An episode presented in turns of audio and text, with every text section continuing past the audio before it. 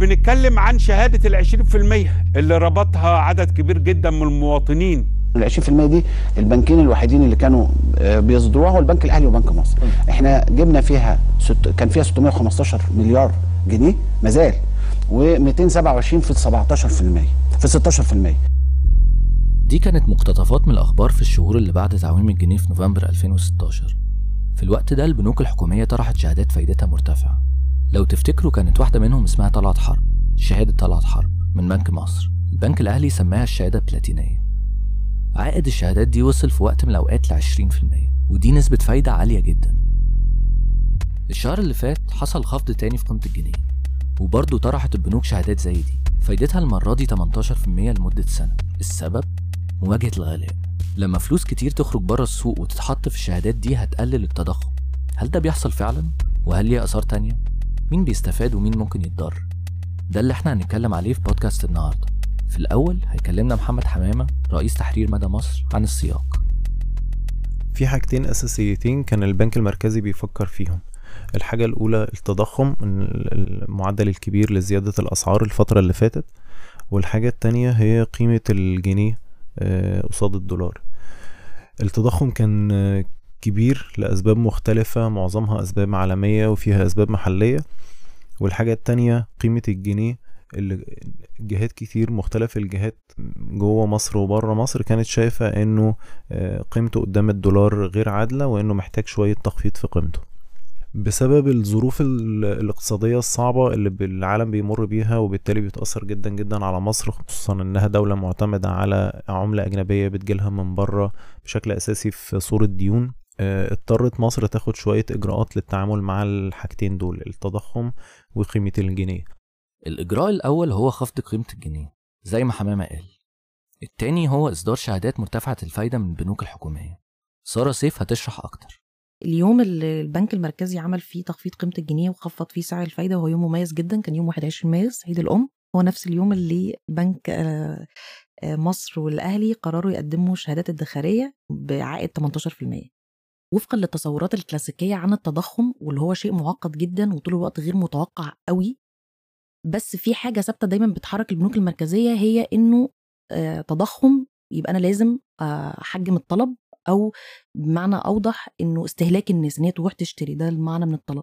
آه فالطريقة في دي إن هي إن أسحب الفلوس من إيدين الناس وأديهم شيء مغري يخلي يشجعهم إن هم يسيبوا الفلوس دي من إيديهم ويحطوها في البنوك وهو ده العائد ال 18% عائد سريع لمدة سنة أحط فلوسي مستريح آخد 18% بعد سنة. الفكرة بسيطة. لما الاقتصاد يكون فيه فلوس كتير الناس بتعرف تشتري أكتر. يعني بيكون في طلب أكتر على السلع والخدمات زي ما سارة كانت بتقول. سارة بالمناسبة صحفية متخصصة في الاقتصاد في مدى وكتبت موضوع عن الشهادات دي الأسبوع اللي فات.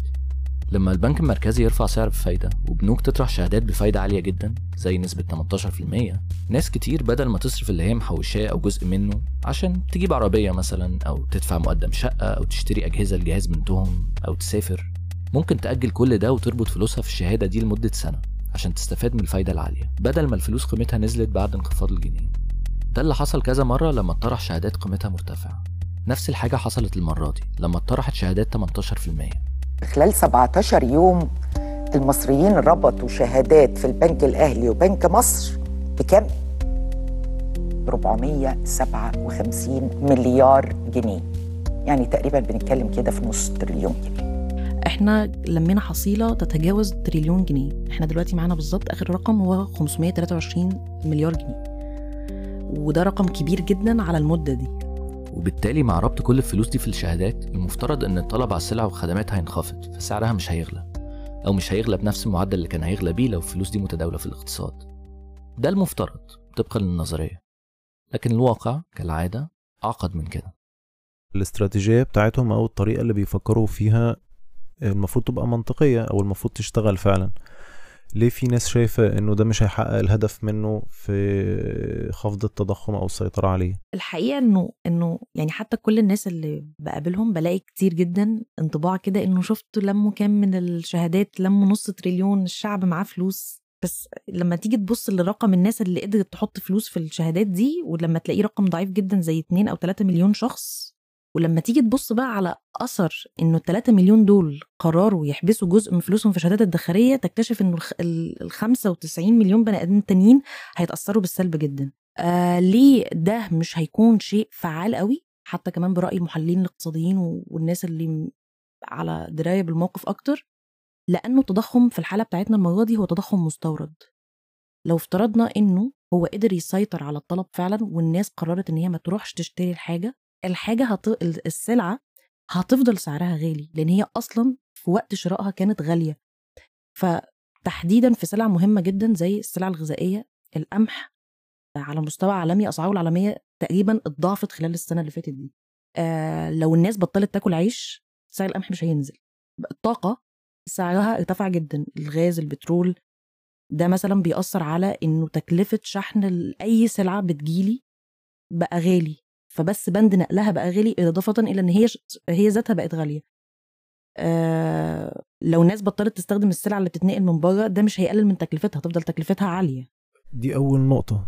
كمان خلينا نتخيل حتى لو كان التضخم حتى لو كان التضخم تضخم محلي. هل الفلوس اللي هم لموها هل النص تريليون جنيه اللي هم لموهم في الشهادات دي جايين من السوق فعلا؟ زي ما هم كانوا بيحاولوا؟ تمام. ال- النص تريليون جنيه دي نقدر نتكلم بثقة جدا إن هي مش جاية من الفلوس اللي في السوق أو اللي يعرف بيه اسم ال circulated money الأموال أو النقد المتداول في ايدي الناس فعلا. خدوا نفس. الحتة الجاية تقنية شوية. الفلوس أو البنك المركزي بيبص للفلوس بي بيقسمها لشوية تقسيمات. في تقسيمة منهم اسمها M 1 أو المعروض النقدي في السوق المعروض النقدي ده عبارة عن حاجتين الفلوس اللي معانا اللي بنروح أي سوبر ماركت نطلعها من جيبنا وندفع بيها ونشتري والفلوس اللي في حساباتنا آه، في البنوك بس نقدر نسحبها في أي وقت من ال ATM أو من البنك. آه، حجم الفلوس دي كلها تريليون و300 مليار جنيه. 700 مليار جنيه منهم موجودة فلوس في إيدينا متداولة في السوق. لو جينا بصينا لرقم من الآخر رقم معلن لحصيلة الشهادات واللي هو آه، أكتر من 500 مليار جنيه فنلاقي إن الرقم ده بيمثل 75% من الفلوس اللي في إيدينا من النقد المتداول في السوق.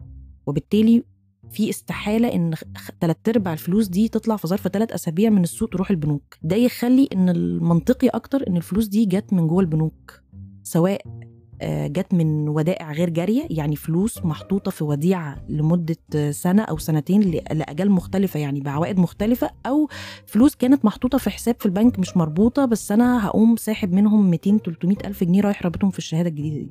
طيب خلوني ألخص الكلام ده قبل ما نروح للنقطة اللي بعد كده.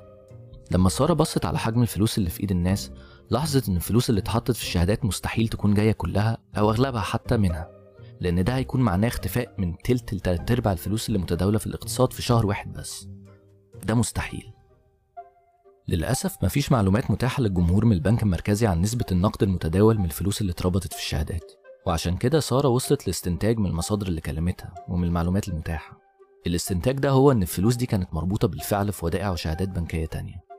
دي فكرة طرحت قبل كده لما البنوك طرحت شهادات فايدتها مرتفعة في السنين اللي فاتت. تعالوا نسمع جزء من حوار من أربع سنين ليحيى أبو الفتوح نائب رئيس مجلس إدارة البنك الأهلي. لما نكون إحنا البنكين جايبين فوق حوالي داخلين على 600 مليار جنيه ف وتقول لي ما فيش سيولة؟ لا في سيولة. آه، نمرة واحد. آه، نمرة اثنين لا بس سؤال يعني ال 370 مليار دول اللي هو شهادة ال 20% دي جاية من خارج الجهاز المصرفي؟ ولا الناس مجرد إنها كان عندها شهادة قديمة فعملت إعادة هيكلة للشهادة بتاعتها كسرت الشهادة القديمة 12% وجاب اشترى ال 20% آه، هقول لحضرتك يعني إحنا آه، آه، مثلا في البنك الأهلي 360 مليار دول آه. منهم ما يزيد عن 100 مليار دول عملاء جدد لأول مرة يخشوا البنك الأهلي. من بره ال- ت- ممكن آه. في جزء منهم أكيد جايين من بنوك أخرى أيوة. وفي ناس لأول مرة بيتعاملوا مع الجهاز المصرفي. إحنا ناس كانت بتجيب فلوس في يعني في كراتين وبالتالي مش ممكن يكونوا بيتعاملوا مع الجهاز المصرفي جايين بال فبالتالي لا من ناحية رد يحيى أبو الفتوح على سؤال المذيع شريف عبد الرحمن في رأيي مش مقنع. نفس المشكلة موجودة. المسؤول ما قدمش معلومات محددة. وما عرفناش قد إيه من الفلوس جاية من النقد المتداول. حتى لو في ناس جابت فلوسها في كراتين يعني ما كانتش في البنوك أصلا. هل دول كانوا 5% 20% 30 ما نعرفش. وعشان كده استنتجنا إن الفلوس دي مدخرات ناس كانت يا إما في شهادات وودايع يا إما كانت فلوس متحوشة هتتصرف على استهلاك مش ضروري. فحبسها في البنوك مش هيأثر قوي على التضخم بس ممكن يأثر على مستوى معيشة الناس الأقل دخلا سارة وحمامة اتناقشوا في النقطة دي. غالبية الناس اللي راحت ربطت فلوسها في الشهادة الجديدة دي الناس اللي عندهم مستويات دخول مرتفعة بتسمح لهم إنه دايما بعد ما يقدروا يوفروا كل تكاليف المعيشه الشهرية يفضل فائض قادر يدخره في حسابه في البنك. وبالتالي الفوائد دي هو عنده قدرة إنه يستغنى عنها لمدة سنة ويربطها في شهادة بتجيب له 18% عائد سنة. الفئة دي 5% مش أكتر من 5% وده وفقا لمثلا مؤسسة فيتش سوليوشنز اللي كانت عاملة آه، تعمل دراسات عن السوق كانت شايفة في تقرير ليها اعتبرت إن الطبقة الوسطى هم الناس اللي, دخولها بتساوي أو بتزيد عن 10000 دولار في السنة. وقالت إن دول هم مجرد 5% كلامك بيقول لنا شوية على نوع الناس اللي بتحط فلوسها أو اللي تقدر تحط فلوسها في الشهادات لكن آه، كمان في نقطة تانية عن آه، إيه نوع الاستهلاك اللي هيتأثر بالظبط في نوعين من الاستهلاك في استهلاك آه، في ضروريات الحياة زي الأكل والشرب والحاجات دي وفي استهلاك في رفاهيات أو كماليات ممكن تستنى. حسب التقارير ال- اللي عن التضخم الفترة اللي فاتت كلها فالسبب الأساسي ورا التضخم بيبقى غالبا في زيادات أسعار الأساسيات. لكن آه، نوع الاستهلاك اللي بيتأثر أو أو اللي غالبا هيتأثر هو استهلاك في الرفاهيات إن هو مثلا بدل ما حد يشتري عربية جديدة يقرر إنه يحط الفلوس في البنك السنة دي ويأجل شراء العربية عشان ياخد العائد الكبير. احكي لنا عن نوع الاستهلاك ده وإزاي ممكن تحجيمه يأثر في التضخم. لما نيجي نبص الفلوس دي لو كانوا قرروا يستهلكوها هيستهلكوها إزاي؟ هيستهلكوها في حاجات هي كلها كماليات أو تندرج تحت الاستهلاك المرن. يعني إيه استهلاك مرن؟ في مرونة في استهلاكه. أنا أقدر أستغنى عن استهلاكه خالص. أقدر أجل استهلاكه زي مثلا إنه بدل ما كنت اربط الفلوس دي في شهادة أنا كنت ممكن أروح أعمل رحلة سياحية لفندق five star في الغردقة. على عكس الاستهلاك غير المرن اللي هو مهما حصل في السلعة أنا هفضل مضطر أشتريها. زي الطعام والتنقل.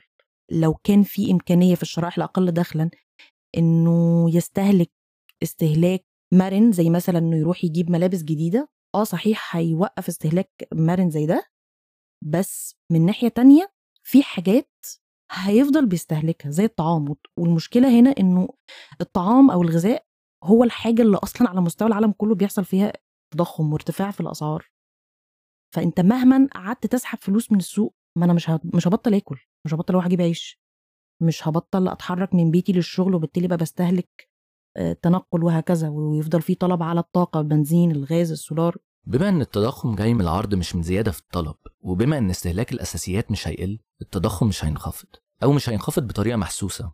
بس عشان السيولة اللي ممكن تتصرف على حاجات مش ضرورية اتربطت في شهادات الناس اللي معتمده على الاستهلاك ده عشان دخلهم هيتضروا. سارة ضربت مثال من السياحة. لما أنا أروح الرحلة دي وأدفع فلوس فيها أنا في جزء من فلوسي واستهلاكي ده تحول لدخول لأفراد. التبس اللي هدفعه للناس البونص اللي هيطلع للشخص اللي حجزت منه الأوضة مثلا أو الغرفة كل أشكال النفقات اللي بنفقها في الرحلة دي واللي جزء منها بيتحول لدخول لأفراد دي. لما أنا أقرر إنه أأجل الاستهلاك ده وأنا خلاص مش هسافر وأحط فلوسي في الشهادة فأنا بشكل ما قطعت كل الدخول المحتملة دي للأفراد اللي تحت. بس الأزمة هنا إنه أنا استغليت استغنيت عن رحلة سياحية ده مش ضروري قوي بس لما أنا قطعت دخول عن ناس تانية الناس دي بحكم إن دخولها هي متدنية وغالبية الدخل ده بيروح لنفقات أساسية وغير مرنة وضروري أستهلكها أنا ساعتها جودة استهلاكي باعتباري شخص دخله متدني بتقل جدا. يعني مثلا لو أنا واستكمالا لنفس المثل لو أنا واحد بيشتغل في السياحة وفجأة فعلا ما بقاش فيه سياح فما بقاش فيه تبس ما بقاش فيه بونص فأنا دخلي قل. وأنا كده كده كنت بنفق غالبية دخلي على الطعام وده وفقا لإحصائيات الجهاز المركزي للتعبئه والإحصاء. فأنا هحاول أجيب طعام أرخص بجودة أقل عشان يديني كميات أكبر. لو تعبت وحاسس إنه تكلفة العلاج مش قادر أستحملها ممكن أقرر إنه خلاص هطنش مش هروح لدكتور عشان أنا دخلي قل وما عنديش رفاهية إن أنا أتحمل تكلفة العلاج دي. آه لو بركب مواصلات آه أحسن بس بتكلفتها أعلى لما دخلي هيقل هضطر أنتقل لمستوى مواصلات أقل. وبالتالي الشريحة دي لما بتحبس نفقاتها واستهلاكها بي ده بيتحول ليه إنه الشرائح الأقل دخلا واللي دخلها مرتبط بنفقات اللي فوق يتعرضوا ل آه انكماش في دخولهم. والانكماش ده بيأثر على أساسيات انفاقهم فتقصدي تقولي إنه ال- التأثير على التضخم هيبقى محدود لكن في نفس الوقت هيخلي حياة ناس كتير أصعب؟ ده صحيح. إلا جانب حاجة تانية مهمة جدا. لما بنتكلم على آه، اتكلمنا عن استهلاك الأفراد بس مشكلة الشهادات دي أو اللي هو إن هي بتوفر ربح مغري جدا سريع جدا مضمون جدا تخلي مثلا شخص رجل أعمال بي عنده مصنع كان مقرر في أول السنة دي إنه هيفتتح خط إنتاج جديد. خط إنتاج جديد ده احتمال إنه هو يموله بقرض من البنك أو إنه يموله بقرض من البنك زائد إنه يدفع فلوس من جيبه. وهو عارف وهو بيخطط لده بيشوف هو خلال السنة دي من خط الإنتاج الجديد هيجي له ربح قد إيه آه والربح ده قد إيه مضمون. لما فجأة ونتخيل إنه خط الإنتاج ده هيتكلف مثلا 100 مليون جنيه.